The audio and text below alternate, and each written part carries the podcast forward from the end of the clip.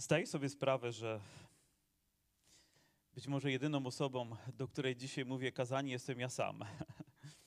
I w zasadzie, kiedy będę zwiastował dzisiejsze słowo, nie, nie szukam jakby wielu ludzi. Szukam ludzi, którzy zastosują to słowo w swoim życiu, ponieważ rzuca ona nam pewne wyzwanie. Rozpoczęliśmy od psalmu pierwszego i obiecałem wam, że jeśli, że jeśli będę pamiętać, a widać zapamiętałem, to przypomnę, kto może być autorem tego, tego psalmu. Dlatego, że nie ma, jak inne psalmy się rozpoczynają, psalm Dawidowy albo psalm jeszcze kogoś innego. Tutaj nie mamy autora, natomiast ja jestem przekonany, że jeżeli nie on sam, to na pewno był inspiracją dla tych, którzy ten psalm pisali, był Jeremiasz. Dlatego, że to, co odnajdujemy w psalmie pierwszym, odnajdujemy w księdze Jeremiasza niemalże wiersz za wierszem, wiersz za wierszem. I w zasadzie ten psalm składa się z takich dwóch części. Po pierwsze mówi, że czego nie robić, a później mówi też, co robić, żeby być szczęśliwym. I myślę, że Księga Jeremiasza również zawiera te dwa aspekty, że ostrzega nas przed czymś, czego nie powinniśmy robić i też doprowadza nas do tego, co powinniśmy czynić, aby być, aby być wierni, aby być oddani, aby być blisko naszego Boga. Kiedy czytamy Księgę Jeremiasza, to być może niektórzy z Was również mają takie przekonanie, że to jest bardzo trudna księga, bardzo ciężka księga, gdzie pada wiele trudnych, trudnych, bolesnych słów. Ale Bóg nie wypowiada je tylko dlatego, że chce zła dla Izraela, ale wypowiada je właśnie dlatego, że chce dobra dla Izraela.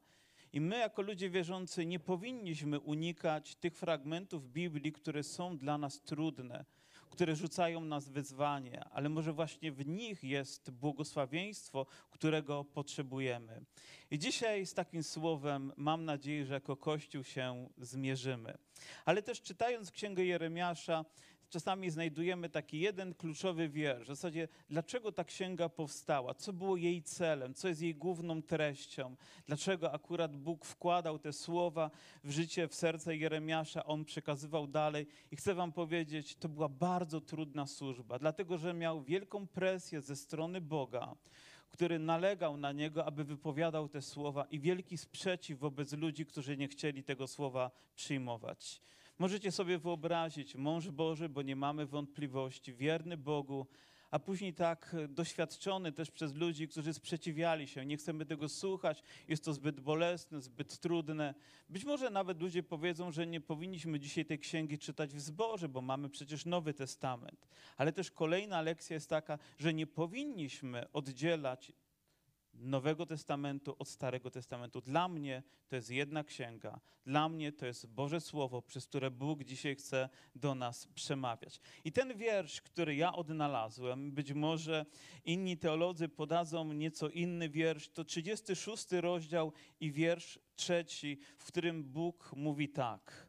Może gdy dom judzki usłyszy o, o wszystkim złu, które ja zamyślam im uczynić, nawróci się każdy ze swojej złej drogi i wtedy odpuszczę im winę i grzech.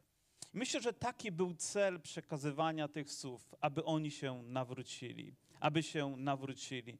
Te wszystkie trudne rzeczy, które pojawiały się, miały ten cel, aby serca ludzi się skruszyły, aby przyjęli Jego słowo i odwrócili się od swoich złych dróg.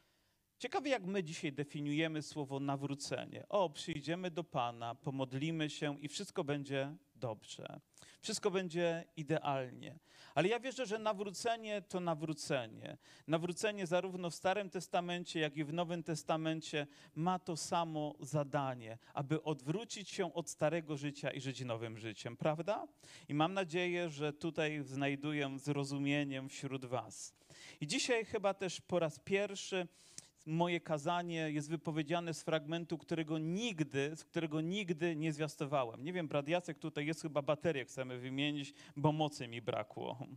Na nowych bateriach od razu dalej się zajedzie, nie?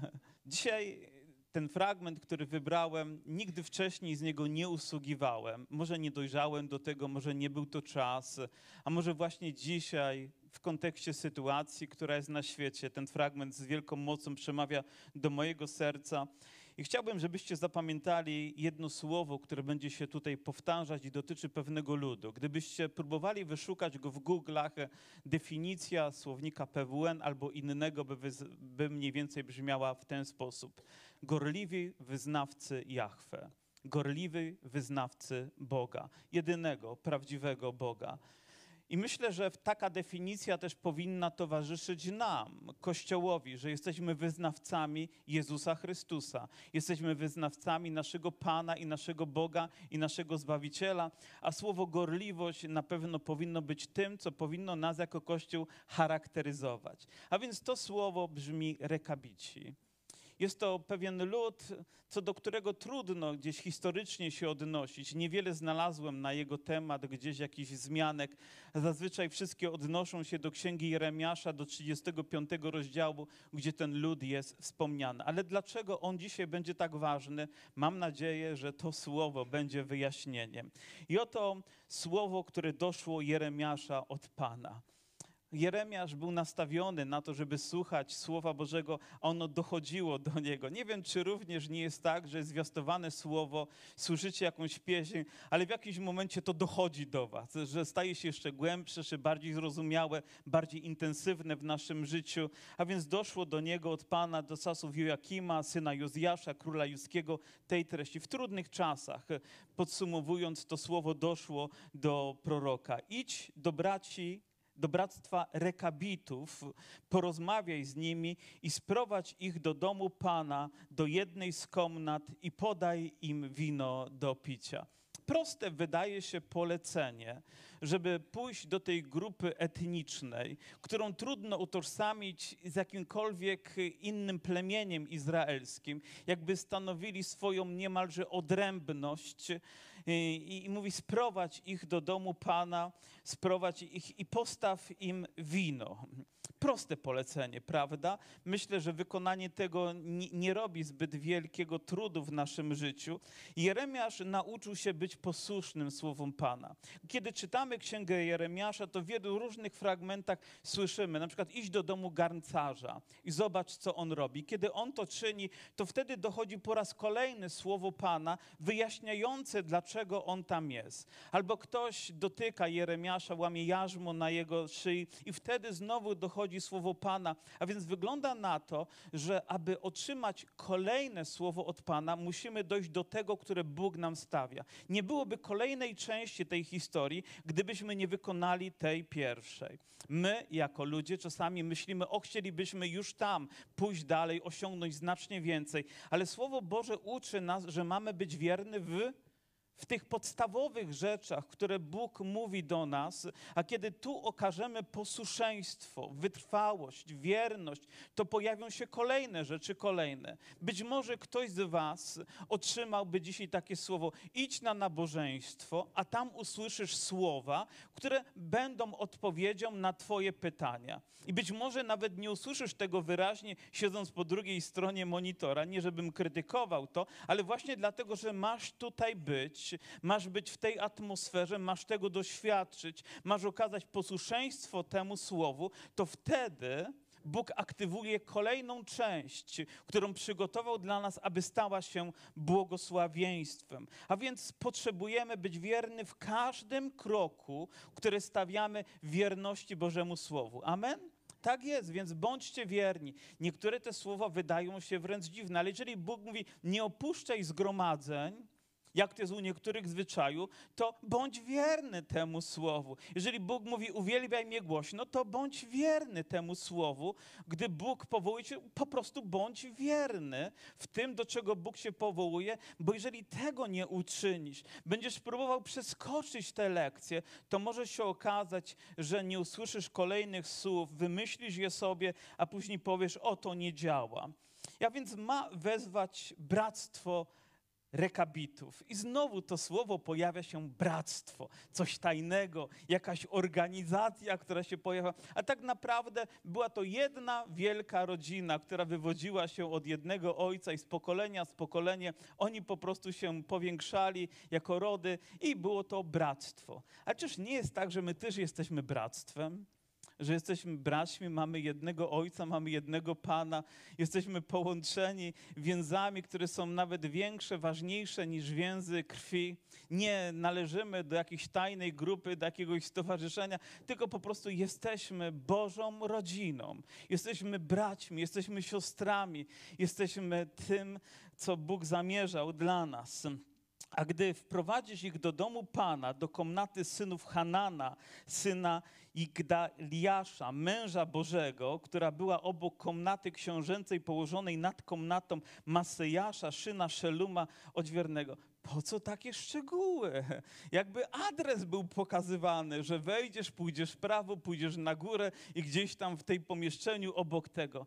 Wiecie, to uświadamia mi, jak realne jest Boże Słowo. Że to nie jest tylko jakaś ilustracja, ale Bóg tak precyzyjnie potrafi do nas przemówić. I rzeczywiście mówi, idź na ulicę prostą, wejdź do tego domu, tam spotkasz człowieka, który ma pytania, ale ty pomodlisz się o niego i to będzie odpowiedzią. Bóg bardzo precyzyjnie odpowiada na potrzeby naszego serca, czasami kierując nas w tak ponadnaturalny sposób. O, nie wiem dlaczego wybrałem tę drogę, ale Bóg wie dlaczego wybierasz. Bóg wie dlaczego masz zapukać do tych drzwi. Po prostu okaż wierność temu, co Bóg do ciebie mówi.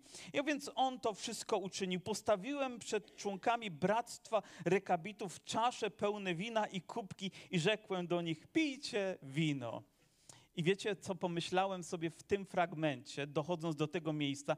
Biada by mi było, gdybym tutaj zakończył i, i, i, i, próbował to zastosować. Bo to by ograniczało się do tego, że spotykamy się jako Kościół, postawmy dzbane wina, kubki do tego, nie takie małe kieliszeczki, ale kubki i dzbane wina i pijmy jak się cieszę, że nikt nie powiedział Aleluja. Naprawdę. Ja rozumiem, że wasza powściągliwość wam nie pozwoliła tego słowa powiedzieć, ale to rzeczywiście było proste polecenie. Tylko widzicie, tu nie kończy się Boże Słowo. I znowu kolejna lekcja.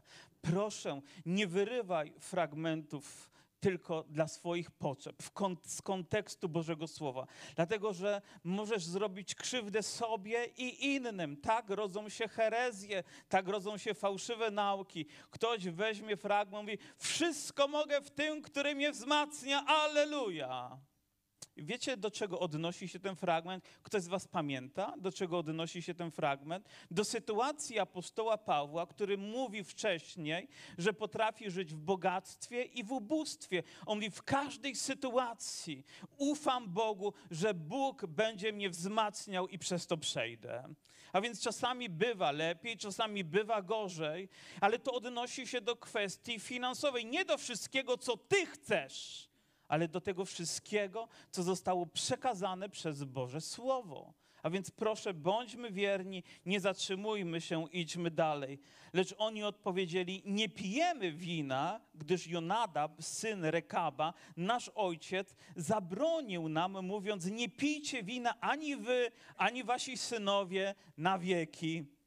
A, chciałem, żeby tu chociaż zabrzmiało jedno Aleluja ale znowu jakaś powściągliwość jest, czy aby nie przekroczę pewnej granicy i nie zobowiążę się do czegoś, co może być tak trudne do zastosowania, zwłaszcza dzisiaj. Więc zobaczcie, pojawia się Boże Słowo, Jeremiasz je wykonuje, tak jak Pan chciał, stawia przed, nami, przed nimi dzbany wina, jeżeli taką rzecz się robi, jeżeli na wesele ktoś sprowadziłby skrzynki alkoholu i postawił, to nie po to, żeby one wróciły w takiej samej postaci, ale żeby zostały wypite. Ale widzicie, nie wszystko widać jest okazją. Nie wszystko jest coś, na co powinniśmy się rzucić. Może to jest po prostu próba naszej wiary. Może to jest pewne doświadczenie, do którego Bóg nas doprowadza, stawiając taką sytuację. Gdybyśmy wybiegli troszeczkę dalej i sięgnęli do księgi Daniela, ona oczywiście historycznie posuwa się trochę dalej, ale Daniel znalazł się w sytuacji, gdzie to również na jego stole ze stołu króla, który tutaj napada na, na, na Judę, jest, jest wiele dobrych rzeczy, jest tam również wino. Ale mówi, ale nie skalałem się niczym ze stołu, tego, co zostało mu zastawione. Czy to było tak, że on był inspirowany tym słowem, tego nie wiemy. Ale ci ludzie mają mocne postanowienie w swoim życiu. Nie będziemy, ani my, ani nasi synowie, ani nasze żony, nasze dzieci, nie będziemy pić wina. Hmm. Czy my dzisiaj powinniśmy przyjąć podobne postanowienie? Czy my dzisiaj mamy inne wytyczne dotyczące Bożego Słowa? Pozwólcie, że nie będę teraz odpowiadał na to pytanie, ale pójdźmy jeszcze dalej, bo na tym się nie kończy. Mówi, i nie budujcie domów, i nie rozsiewajcie ziarna, nie zakładajcie winnic, i nie miejcie na własność, lecz, e, na własność, lecz mieszkajcie w namiotach po wszystkie wasze dni, abyście długo żyli na ziemi, na której jesteście gośćmi i bądźmy szczęśliwi, wykonując takie słowa. Tu nie tylko chodzi o to, że oni mieli nie pić wina, ale mało, mieli nie posiadać domów, nie mieli posiadać winnic. Być może dzisiaj używając słów, może nawet samochodów albo innych rzeczy, które są tak, taką zdobyczą cywilizacji nam potrzebną. Jak tu żyć, jak tu nie zasiewać ziarna, jak tu innych rzeczy nie wykonywać. A jednak jest to, jak widać, dla nich było to możliwe. Wiecie, czytając ten fragment, oczywiście chcę go właściwie rozumieć i pojmować w świetle nie tylko kultury, w której żyję, ale przede wszystkim Bożego Słowa, że nie chodzi o to, żeby się tak wyizolować. Ale myślę, że jest tutaj pewien obraz, który mnie jest bliski. Czyż Kościół również nie jest tak powołany, że żyjąc w tym świecie ma do niego nie należeć? Że wszystko, co otrzymujemy, otrzymujemy na jakiś określony czas. Nawet jeżeli mamy domy, nawet jeżeli mamy samochody, nawet jeżeli mamy pracę, to żadna z tych rzeczy nie może być tym, co nas zwiąże, co nas uzależni, od czego jesteśmy, no, nie wiem, bez czego nie potrafimy sobie wyobrazić życia, albo staje się to najważniejszą rzeczą w naszym życiu. Wszystkie inne jakby idą gdzieś w zapomnienie i znowu staje się coś, coś złego. Abyś, I mówi tak, e, winnicy na własność, lecz mieszkali w namiotach, na których jesteście gośćmi, to oznacza również, że my tutaj na tej ziemi nie jesteśmy na stałe, ale jesteśmy na czas określony, na czas, który Bóg nam da. A więc nie jesteśmy właścicielami, ale jesteśmy przechodniami. Nie należymy do tego świata, ale w tym świecie musimy żyć. I musimy być na tyle mądrzy, by nie dać się związać albo uwikłać w coś, co zacznie wyniszczać nasze życie. I tak usłuchaliśmy głosu Jonadaba, syna Rekaba, naszego ojca, we wszystkim, co nam nakazał, aby nie pić wina po wszystkie dni nasze, my, nasze żony, nasi synowie i córki, aby nie budować domów mieszkalnych. Nie mamy więc ani winnic, ani pola, ani ziarna. I mieszkaliśmy w namiotach i postępowaliśmy posłusznie zgodnie z tym wszystkim, co nakazał nasz ojciec Jonadab. Lecz gdy Nebukadnesar, król babiloński, wyruszył przeciwko tej ziemi, rzekliśmy sobie, chodź, chodźcie, wejdźmy do Jeruzalemu przed wojskami chaldejskimi, przed wojskiem aramejskim i tak mieszkamy w Jeruzalemie. I doszło Jeremiasza słowo Pana tej treści. A więc oni znaleźli się w tej sytuacji pokusy, która została postawiona przed nimi, ale ze względu na to, że wcześniej złożyli śluby swojemu praojcowi, i byli wierni temu, nie skorzystali z okazji. Cie, życie będzie nam rzucać wiele wyzwań. Będziemy stawać przed wieloma wyzwaniami, przed wieloma pokusami, a zwłaszcza wy, ludzie młodzi wierze, wy, którzy niedawno się nawróciliście, będziecie poddawani ogromnej presji i próbie, ponieważ wcześniej o te rzeczy musieliście zabiegać bardzo mocno, a teraz one same pojawią się na stole. Po co? Po to, żebyście po nie sięgnęli, żebyście jedli ze stołu tego świata tak, jak on wam nakazuje tak jak, tak jak ten świat dyktuje, pod modłę tego świata. I oczywiście macie tutaj pewne usprawiedliwienie, no bo nie chcemy być tacy wyalienowani, bo nie chcemy, żeby ludzie uważali nas za dziwaków. A powiedzcie, co w tym dziwnego, jeżeli my różnimy się od tego świata? Może właśnie między innymi na tym polega nasze świadectwo, że potrafimy zachować naszą tożsamość i gdy świat mówi nam, że mamy coś robić, zastawia przed nami jakiś stół, to my mówimy nie. Nawet czasami ta próba przychodzi tak, aby sprawdzić naszą wierność, nasze oddanie, czy jesteśmy gorliwymi wyznawcami naszego Boga. Czy tylko mówimy o gorliwości, ale nie ma za tym żadnych standardów naszego życia. I znowu w tym miejscu doszło Jeremiasza słowo Pana tej treści. Już wam mówiłem, że to jest tak, że w danej okoliczności Bóg w tym momencie przemawia, przemawia, przemawia. Gdzie czasami bracia też wychodzą i mówią, a jak wyjdę za kazalnicę albo ktoś ma świadectwo, to Pan mi powie, co mam powiedzieć. Myślę, że to jest zasadniczy błąd który robimy, że powinniśmy przyjść na to miejsce tak jak Jeremia, z przygotowanym słowem, Powinniśmy mieć przygotowane, a w danym momencie, gdy tutaj jesteśmy, Bóg w ponadnaturalny sposób oczywiście przemawia do nas. Albo śpiewacie pieśń, grupa uwielbienia, ale w ponadnaturalny sposób gdzieś ta pieśń brzmi dalej, albo jeszcze raz śpiewamy refren, albo jeszcze raz śpiewamy zwrotkę, albo śpiewamy ciszej, albo głośniej. Jednak Bóg kieruje naszymi sercami, ale mamy przygotowane. Mamy słowo przygotowane, mamy świadectwo przygotowane, a Bóg w tym momencie będzie dalej przemawiać do nas nas, abyśmy powiedzieli to, co jest właściwie, nawet zmieni czasami może nasze kazanie, bo jest ktoś, kto się pojawił na nabożeństwie, kto akurat właśnie tej frazy, tego słowa będzie dzisiaj tak wyraźnie potrzebował.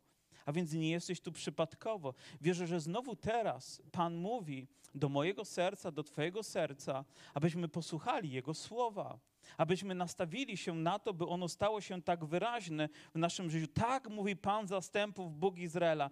Idź i mów do mężów judzkich i do mieszkańców Jeruzalemu. Czy, czy nie dacie się pouczyć, aby słuchać moich słów, mówi Pan? Wiecie, to może dziwne, ale oni, wyznawcy Boga, nie chcą słuchać Jego słowa. Wiecie, co to za chrześcijaństwo, które, które odstawia Biblię na bok, które bardziej koncentruje się, nie wiem, na takiej religijnej tożsamości, a nie na relacji z Bogiem, która powinna być wciąż osobista i święta.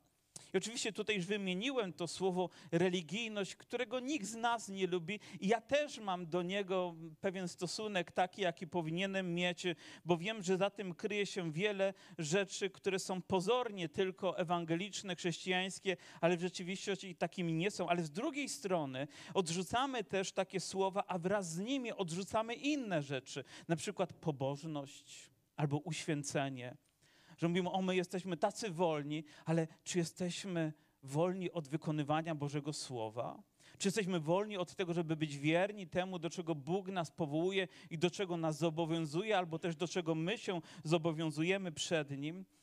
Słów Jonadaba, syna Rekaba, który nakazał swoim synom, aby nie pili wina, dotrzymano i nie piją aż po dzień dzisiejszy, bo są posłuszni przykazaniu swojego Ojca. Ja zaś przemawiałem do was nieustannie i gorliwie, a nie usłuchaliście mnie.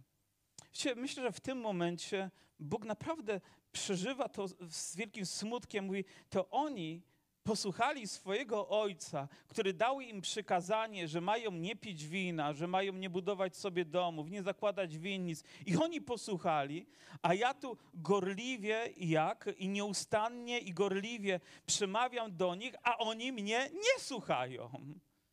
Co za dziwne wydaje się to, że ci, którzy powołani są do tego, żeby słuchać, a Bóg mówi, że nieustannie i gorliwie. My te słowa często rezerwujemy też do nas, że my nieustannie trwamy, że jesteśmy gorliwi dla Boga, ale Bóg wyprzedza nas o całe lata świetlne w tym, że On nieustannie i gorliwie wciąż i wciąż i wciąż i wciąż przemawia do nas, abyśmy posłuchali Jego słowa. I są nawet ludzie, którzy być może poprzedzają nas do Bożego Królestwa, a my uważamy ich za jakichś tam dziwaków, niezrozumiałych dla nas w swoich postanowieniach, tym swoim takim uświęceniowym trybem życia. Bo przecież my, ewangeliczni ludzie, jesteśmy tak wolni, że nawet już wolni od Biblii jesteśmy. Że jest nam niepotrzebna do tego, by ją przyjmować, by ją czytać, by ją studiować, by się nią rozkoszować. Ale psalm pierwszy mówi, że szczęśliwy mąż, który ma upodobanie w zakonie Pana i zakon jego rozważa jak? Nieustannie. To słowo jest w nim nieustannie. I powiedziałem wam, że chciałbym wezwać was do rzeczy, które powinny być tym, czego my się wyrzekamy w tym świecie, ale również wezwać do tego, co my powinniśmy przyjmować. Bo Bóg nieustannie, gorliwie do nas przemawia przez swoje słowo, aby stało się to standardem naszego, naszego życia. I posyłam do was nieustannie i gorliwie wszystkie moje sługi, proroków, mówiąc: zawróćcie każdy ze swojej złej drogi i poprawcie swoje uczynki, a nie chodźcie za cudzymi bogami, aby im służyć, a będziecie mieszkać na ziemi, którą dałem wam i waszym ojcom, lecz nie nakłoniliście swojego ucha i nie usłuchaliście mnie. I znowu trudne słowa. Dzisiaj akurat rano gdzieś coś otwierałem i słuchałem, jak ktoś mówi, o, bo w tych czasach to wszyscy kaznodziejowie tak grzmią, bo widzą to zagrożenie, wykorzystują emocjonalnie tą sytuację, żeby przemawiać do ludzi. Jak wiecie, ja zawsze, gdy czytam słowo, staram się przekazać je tak, jak on zostało napisane. Czy to jest wygodne, czy to jest niewygodne, czy to jest w czasach pokoju, czy w takich czasach. Ale mam wrażenie, że gdy dzisiaj siedzimy i mamy nogi położone na ziemi, jeżeli dobrze się wczujemy, to ona drży. Że żyjemy w czasach bardzo niepewnych. Wielu ludzi panikuje, nawet y, jadąc kiedyś samochodem, dowiedziałem się, że otwiera się nowe oddziały pomocy psychologicznej ludziom, ponieważ tak ogromna lawina jest ludzi, którzy emocjonalnie nie wytrzymują z presją, która się pojawia, bo nikt nas nie wie, czy jutro nie będzie musiał byknąć, albo jeszcze dzisiaj wieczorem tabletek z jodem. Proszę, uważajcie, ja nie chcę tego nadużyć, ale czy, czy mam gwarancję, że tak się nie stanie? Czy ktoś z Was może powiedzieć, że tak się nie stanie? Więc na jaki scenariusz my powinniśmy być przygotowani jako Kościół? Powiedzcie, dokąd w tych czasach uciekać, jak nie do Boga? Gdzie jest wyjście, jak nie w Chrystusie? Gdzie jest pokój, jak nie w Nim? Będzie na co czekać? Ten świat nas rozczarowuje, a my wciąż ślepo w niego wierzymy. Jakbyśmy byli ogłupieni jacyś, jakbyśmy byli pijani tym światem. Na co jutro zdadzą się nasze pieniądze, jeżeli dzisiaj wieczorem przyjdzie nam spotkać się z Bogiem? Te wszystkie rzeczy, to już wolałbym rekabitów niż kogokolwiek innego. Bo przynajmniej mają wiarę, są wierni swoim postanowieniu i dotrzymują swojego słowa, które dali swojemu ojcu. Oto religijność, a może to wytrwałość, może to wierność, może to pobożność, może to uświęcenie, może powinniśmy nazwać trochę inne słowa albo użyć inne słowa. Ktoś, jak będziemy tak się zachowywać, to dzieci w ogóle nie będą chciały chodzić do kościoła, młodzież nie będzie chciała, a może nie chodzi dlatego, bo nie widzi w nas autentyczności a nie dlatego, że jest to tak trudne. Może gdy zobaczy ojca i matkę, którzy podejmują trud i są wierni, to zobaczy również, że to jest prawdziwe, że to jest realne, a nie, że dostosowujemy się do świata tak, jak wiatr zawieje. Ja bym bardziej chciał dostosować się do tego, jak duch zawieje, stając na mocnym fundamencie Bożego Słowa, dać kierować się poprzez niego. Czy dzisiaj chciałbym, żeby na tym miejscu ktoś powiedział, Pastorze, chciałbym być takim rekabitą w moim sercu. Człowiekiem, który ma mocne postanowienia. I, i, I, chciałbym. To nie znaczy, że musisz sprzedać dom, że musisz pozbyć się, ale pamiętaj, że nigdy nie będzie to najważniejsza część Twojego życia. Dzisiaj, gdziekolwiek wejdziecie do sklepu, to pokazuje się, jak cudownie powinna wyglądać kuchnia, jak cudownie powinna wyglądać łazienka, jaki powinien być wystrój domu, powiem, kompleksów można się nabawić. Ponieważ niewielu z nas być może ma akurat takie domy, a i tak w porównaniu z naszymi dziadkami żyjemy jak w pałacach, prawda? Ale wciąż chcielibyśmy więcej i więcej i więcej. Ale czy z tym wiąże się szczęście Twojego życia? Nie myślę. Nie myślę, że to jest kwestia nowych kafelek albo innych rzeczy. Jeżeli są pomocne, daj Ci, Panie Boże, zdrówko i rób sobie, co tam potrzebujesz, ale to nie może być nigdy najważniejsza rzecz w Twoim życiu. ani żadna inna, która staje się bożyszczem. I programy na ten temat się mówi, ale kto dzisiaj stworzy program, aby dać wolność, aby dać nadzieję ludziom, aby dać wyjście z rozwiązania? Mówi, a później mówić tak, a do bractwa rekabitów rzekł Jeremiasz, tak mówi Pan zastępów, Bóg Izraela, ponieważ usłuchaliście nakazu Jonadaba, swojego ojca, i przestrzegaliście wszystkich jego nakazów, i postępowaliście dokładnie z tym, co wam nakazał. Dlatego tak mówi Pan zastępów, Bóg Izraela. Nie braknie w rodzie Jonadaba, syna Rekaba, po wszystkie dni takiego, kto by stał przed moim obliczem. Hmm. Co za piękna obietnica. I dlatego, że byliście wierni, byliście wytrwali, dochowaliście swojego biegu, zachowaliście te standardy w swoim życiu, nie braknie w waszym rodzie. Wiecie, myślę, że gdy Kościół stanie się gorliwym wyznawcą, i te słowa nie będą tylko rzucone tak na wiwat, bo ładnie brzmią, ale będą uwarunkowane rzeczywistością naszego życia, naszym poświęceniem, to myślę, że również będziemy widzieć, że nie zabraknie tutaj ludzi, którzy będą stawać przed Bożym obliczem. Nie zabraknie. Wiecie dlaczego? Bo nie ja to obiecałem, ale Boże Słowo nam to obiecuje. Ktoś teraz może powiedzieć, pastorze, ale czy nie za daleko zabrnąłeś? Czy to, jest dale, czy to nie jest tak dalekie od Nowego Testamentu, który przecież nam jest tak bliski? No to jeżeli wrzucacie mi takie wyzwanie, podejmuję rękawice i oto słowo naszego Pana Jezusa Chrystusa dla Kościoła, dla nas dzisiaj, współcześnie również. I każdy, kto by opuścił domy, albo braci, albo siostry, albo ojca, albo matkę, albo dzieci, albo rolę dla imienia mego, stokroć tyle otrzyma i odziedziczy żywot wieczny. Rekabici to był pikuś w porównaniu z tym, co mówi Pan Jezus. Mówi, każdy, kto jest gotowy opuścić, bo się nie mieć coś, to nie stracić coś, to nie żałować tego, ale mieć coś i opuścić to, to jest ból. nie wyobrażam sobie teraz naszych braci ze wschodu, którzy muszą opuszczać swoje domy albo swoje domostwa, zostawiać wszystko na pastwę. Nawet widziałem, jak mieliśmy też rodzinę w Wiśle, filmik nagrali, gdy powrócili, jak ich dom został zniszczony, jak strzelano, do, nawet żeby telewizor zastrzelić. To trzeba mieć dopiero fantazję, nie? Jakie rzeczy zastali w swoim domu poniszczone. No ktoś zbrukał, ktoś sprofanował ich dom.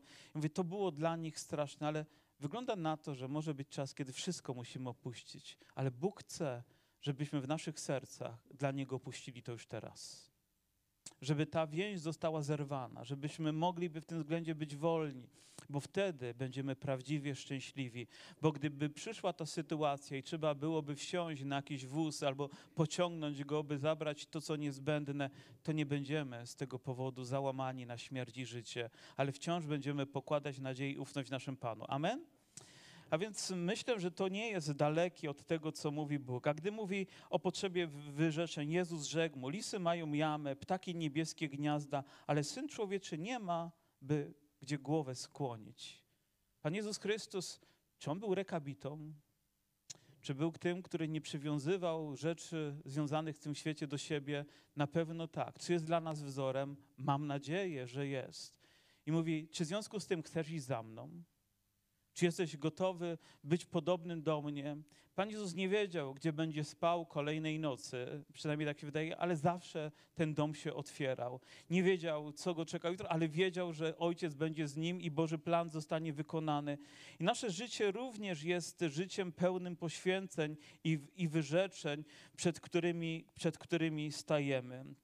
I apostoł Paweł w liście do Rzymian w 12 rozdziale rzuca nam takie wyzwanie. Wzywam was wtedy, bracia, przez miłosierdzie Boże, abyście składali ciała swoje jako ofiarę żywą, świętą, miłą Bogu, bo taka winna być duchowa służba wasza. A nie upodabniajcie się do tego świata, ale się przemieńcie przez odnowienie umysłu swego, czyli innymi słowy, nawróćcie się, abyście umieli rozróżnić, co jest wolą Bożą, co jest dobre, miłe i doskonałe co jest dobre, miłe i doskonałe. I do tego w relacji z naszym Panem my, ludzie wierzący, świadomie i celowo, z oddaniem powinniśmy dążyć. To, co oddziela nas od tego świata, ale dąży do tego, co jest miłe Bogu. I pomyślmy teraz bardzo praktycznie, czy miłe Bogu było, było to, gdyby ktoś z nas dzisiaj powiedział, pastorze, chciałbym być jak rekabita, nie będę więcej pił alkoholu, nigdy więcej, ani kieliszka. Znaczy przy wieczerzy w porządku, tak? Lekarstwo, nie jesteśmy przecież tutaj ludźmi, którzy mu, muszą się tym przejmować, bo to nie o to chodzi.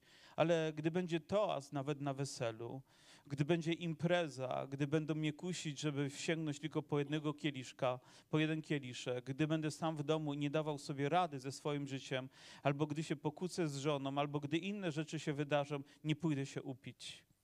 Ale będę człowiekiem, który nie sięgnie po wino. Są chętni, wyjdą na środek, będziemy się o was modlić. Czy są tutaj ludzie, którzy powiedzą, rzeczy tego świata nigdy nie będą najważniejsze w moim życiu? Nigdy. I dam tego wyraz również przez świadectwo mojego życia. W jaki sposób możemy to zrobić? Myślę, że najczęściej rozprawiamy się z tymi rzeczami przez ofiarność, przez to, że łożymy na Boże dzieło. Ja robię to bardzo prosto. I oczywiście mówię, że dzisiaj kazanie jest przede wszystkim do mnie, a więc postępuję w ten sposób, że gdy przychodzi wypłata, ja dziesiątą część oddaję na zbór. Nie próbuję tego na to, że trochę tu, trochę tam. Po prostu jestem bardzo prosty. Wiem, że to jest jeden sposób, w jaki mogę się rozprawić z tym, aby te pieniądze nie owładnęły moje życie. Jestem w tym bardzo, bardzo wierny. Czy jestem w tym rekabitą? Tak, w tym jestem. Czy zawsze byłem rekabitą, gdy chodzi o alkohol? Nie, nie byłem. Bo mówię, przecież jestem człowiekiem wierzącym, który nie miał problemu z alkoholem, więc mogę sobie sięgnąć po jeden kieliszek szampana, mogę sobie wypić lampkę wina albo napić się piwa, bo przecież to mi nie zaszkodzi. To pamiętacie, jak z tym samochodem, który został zatrzymany gdzieś na ulicy przez policjanta, policjant mówi do kierowcy, żeby dmuchnął w balonik, dmuchnął, zazielenił się, bo to te czasy były ale kierowca mówi, o zepsuty. Nie mówił, że jabłka jada, ale że zepsuty. Mówi, to niech żona dmuchnie. No żona dmuchnęła i rzeczywiście też zazielenił się. No to może coś w tym jest. Z tyłu siedziała babcia, babcia dmuchnęła, no też się zazielenił. Ale jeszcze dziecko było takie małe. No mówią, niech dziecko dmuchnie, to wtedy pan się przekona. No dmuchnęło, balonik się zazielenił. I kiedy już odjechali, bo policjant rzeczywiście wymiękł, mówi, chyba się zepsuło, to w końcu mówi ten dzieciak do rodziców tak, a mówiłem wam, że ten jeden mi nie zaszkodzi. Wiecie, a ja myślę, że zaszkodzi. Ja myślę, że gdy pozwalamy dziecku nawet, żeby maczało palec w alkoholu i lizało go, a mnie pozwalano na tym, pozwalano mi albo i też nie, żeby dopijać gdzieś po moich ciociach, wujkach, którzy nie dopili alkoholu, a ja już pod stołem jako sześciolatek powiedzmy gwiazdy widziałem, których widzieć nie powinienem. I takie rzeczy miały miejsce. Gdy byłem nastolatkiem, to tylko z kumplami kombinowałem, jakby gdzieś tu wino skombinować, żeby ten siarczan czegoś tam włożyć w swój organizm. I oczywiście nie uzależniłem się na szczęście od alkoholu, ale widzę, mój wujek był uzależniony, a jego rodzina mało się nie rozpadła. Mój ojciec systematycznie musiał pić alkohol. Nawet nie wiedziałem o tym, że wychowuję się w domu, gdzie alkohol był nadużywany. Nie miałem tego świadomości, dopóki nie zacząłem współpracować z Teen Challenge, że niektóre te rzeczy dotyczą mnie. I pomyślę, czy dobrą rzeczą byłoby dla Kościoła wyżyć się alkoholu tak, by nie wspierać tego przemysłu, by ktoś nie cierpiał, żeby stać się tutaj takim rekabitą, nie po to, żeby przypodobać się żonie, o, razem na wczasach lampeczkę sobie łykniemy, a rano nagrzmoceni jesteśmy jak Messerschmitty. Powiem, po prostu powiedzieć nie, nie będzie więcej alkoholu w naszym życiu. Nie będzie alkoholu więcej w moim życiu, bo ja nie zrobię tego za żonę, bo ona zrobiła to przede mną. Ale nie będzie więcej ani jednego kieliszka. Będę wierny w tym, żeby oddawać Bogu to, czego On jest godzien. I myślę tak, a może bracia, wy i nie tylko wy, siostry, podejmijcie wyzwanie, nigdy więcej nie otworzę obrazu, który obraża moją godność. To znaczy, nie będę oglądać żadnych scen, gdzie ludzie dokonują aktów seksualnych na moich oczach, a ja jestem tego świadkiem. Chcę być rekabitą. Chcę być człowiekiem, który jest gorliwym wyznawcą nie tylko w słowach, ale w czynach tego, aby Bóg był uwielbiony. Aleluja. Gdybym dzisiaj listę zrobił, jak wielu z Was by się podpisało pod nią? Jak wielu z Was wstąpiłoby do mojego bractwa rekabitów? Ani jednej ręki w górze. Mówiłem, że kazanie mówię do siebie, prawda? Na samym początku. Choć dzięki Bogu z wieloma rzeczami mam problem, ale powiem tak, nie, nie muszę. Wiecie, to jest dla mnie naprawdę wielkie postanowienie, to jest ogromne wyzwanie dla mojego życia, ale w głębi serca chcemy. Ale co powinienem czynić? W czym powinienem być wierny? Oto ich ojciec powiedział im przykazanie, a oni byli wierni. Usłyszeli go i później wykonywali. Bądź wierny w tym, aby codziennie czytać Boże Słowo. Codziennie o dzisiaj nie miałem czasu, to na inne rzeczy miałeś czas, to znakiem tego, że w tym momencie one stały się ważniejsze niż twoja relacja z Bogiem. Bo rzeczywiście trzeba biec, trzeba załatwić, zbyt późno wstaliśmy, albo zegarek nie zadzwonił i nie mamy czasu. O, to posłucham gdzieś jakiegoś fragmentu Bożego Słowa, słuchając, jadąc samochodem i to ma mi wystarczyć. O, może świadomie trzeba podjąć decyzję, że raz w roku przeczytam przynajmniej Nowy Testament, a raz na dwa lata całą Biblię. Wiecie, to byłoby dla mnie coś, co byłoby wartością tego zgromadzenia, bo wiedziałbym, że za rok moja siostra w Chrystusie nie tylko zna jakieś fragmenty, które są jej wygodne, ale zna całe Boże Słowo, przeczytała je, aleluja. I później jeszcze raz i jeszcze raz. I gdy będziecie mieć tyle lat, co ja, albo brat Rysiu, to będziecie znali Boże Słowo. Ponieważ my nauczyliśmy się, żeby w tym względzie być rekabitami. Kiedy jest spotkanie modlitewne, to no, wybiorę sobie to, które jest mi tam milsze, bo rzeczywiście tam jest więcej emocji, więcej poweru, a może bądź tam, gdzie powinieneś być, a nie tam, gdzie jest więcej emocji.